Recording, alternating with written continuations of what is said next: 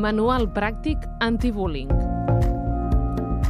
Oriol Julià, de CER, Salut i Educació Emocional. Superem el bullying. Ja. Superem-ho ja.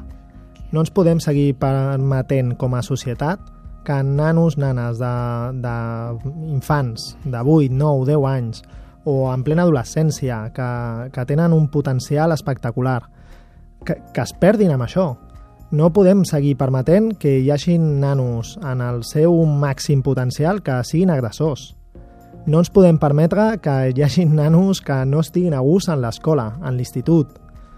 Això ho hem d'aturar, i ho hem d'aturar d'una forma institucional. Ho aturem amb la participació de totes les famílies. Ho aturem des del treball que fem de prevenció en tots els centres.